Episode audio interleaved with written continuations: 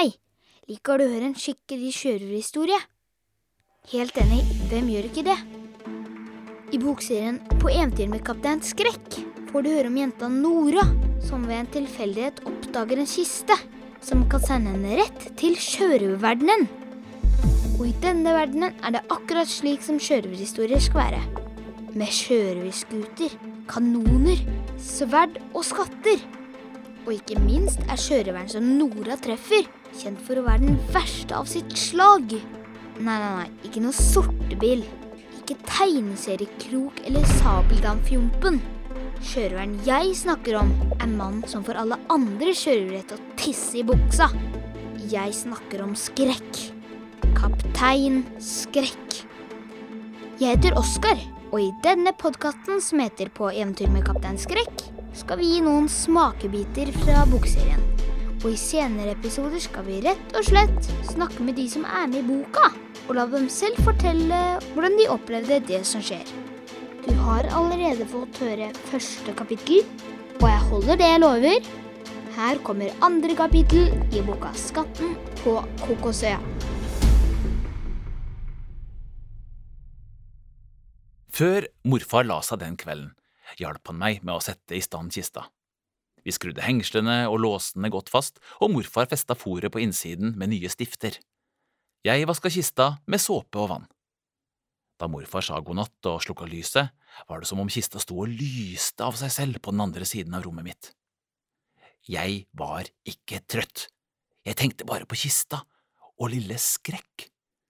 Hvordan hadde han klart å komme seg ut av kista uten at noen så det? Det måtte være et hemmelig triks. Jeg sto opp og gikk bort til kista. Det fantes ingen nøkkelhull på utsiden av den.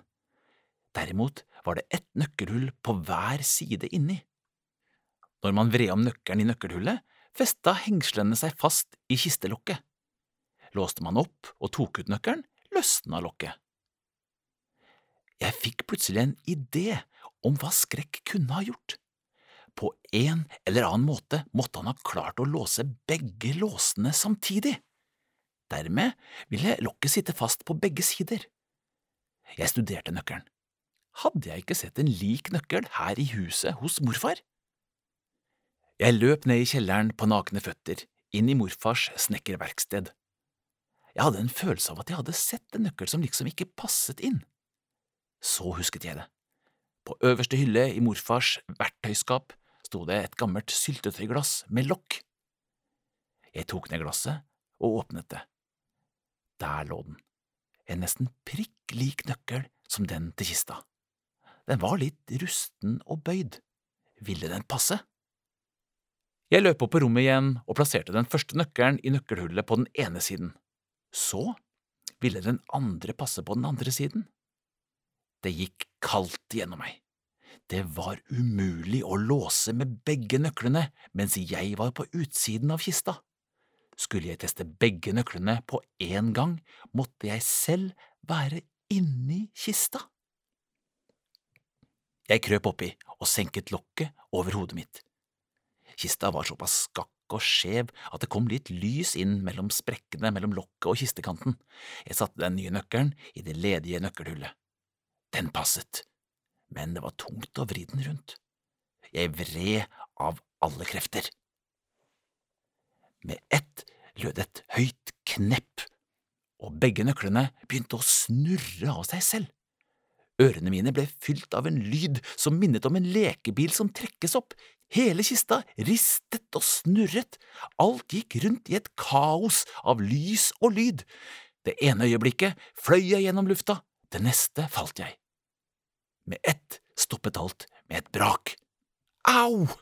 Jeg dunka nesa rett i kistekanten. Det gjorde fryktelig vondt, og jeg kjente at det rant varmt blod ut av nesa mi. Jeg låste opp den ene låsen og løftet kistelokket på gløtt, men stoppet brått. For utenfor kista var alt forandret. Huset til morfar var borte. I stedet var jeg i et lite rom som luktet tjære og sjø. Jeg kjente gulvet gynge, var jeg i en båt. Jeg rakk ikke å tenke så mye mer før en liten, rund mann kom løpende inn i rommet og lukket døra bak seg. Mannen var utkledd som en sjørøver, med skinnstøvler, bukser, frakk, hatt og sverd. Han kom løpende mot kista. Jeg senket lokket slik at jeg bare så ut gjennom en syltynn sprekk. Mannen satte seg ned på huk og dro et sammenrullet papir ut av høyre innerlomme. Samtidig hørte jeg noen som ropte fra utsiden av døra. Han er der inne! Han har kartet som tilhører kong Aubergine! Sjørøveren åpna lokket på kista jeg var i, men skvatt bakover da han fikk se meg oppi den. Flygende pannekake som du skremte meg, sa han forskrekket. Hvem er du? sa jeg spakt og satte meg opp i kista. Samtidig kom en ny boble neseblod ut av nesa mi. Mannen stirret på meg med kulerunde øyne. Han ble med ett helt hvit i ansiktet. Redd kartet! stønnet han, for han rullet med øynene og falt om på gulvet foran meg. Utenfor døra hørte jeg trampende føtter som nærmet seg. Hva skulle jeg gjøre? Jeg grabbet til meg kartet og senket lokket over meg igjen. Gjennom den lille sprekken under kistelokket kunne jeg se to typer i rare uniformer storme inn i rommet med sverd i hendene. I kongens navn, gi oss kartet! ropte den første, men stoppet og holdt en hånd i været da han så mannen som lå foran kista på gulvet. Kom og se over, hvisket han til den andre. Selveste kaptein Skrekk har vært så grei å slå ut seg sjøl, slik at vi bare kan ta kartet. Jeg grøsset der jeg satt. Kaptein Skrekk? Var det morfars sjørøveronkel som lå der på gulvet utenfor kista mi? Syns du det var spennende og vil høre mer? Det skjønner jeg, men herfra må du lese eller høre boka selv. Men jeg kan gi deg noe annet. Jeg får nemlig besøk i studio av hovedpersonene i boka. Nora, kaptein Skrekk, og en skurk som heter Benny Bleie, kommer nemlig hit i studio og forteller sine egne historier. Her får du høre om ting som ikke står i bøkene. Interessert?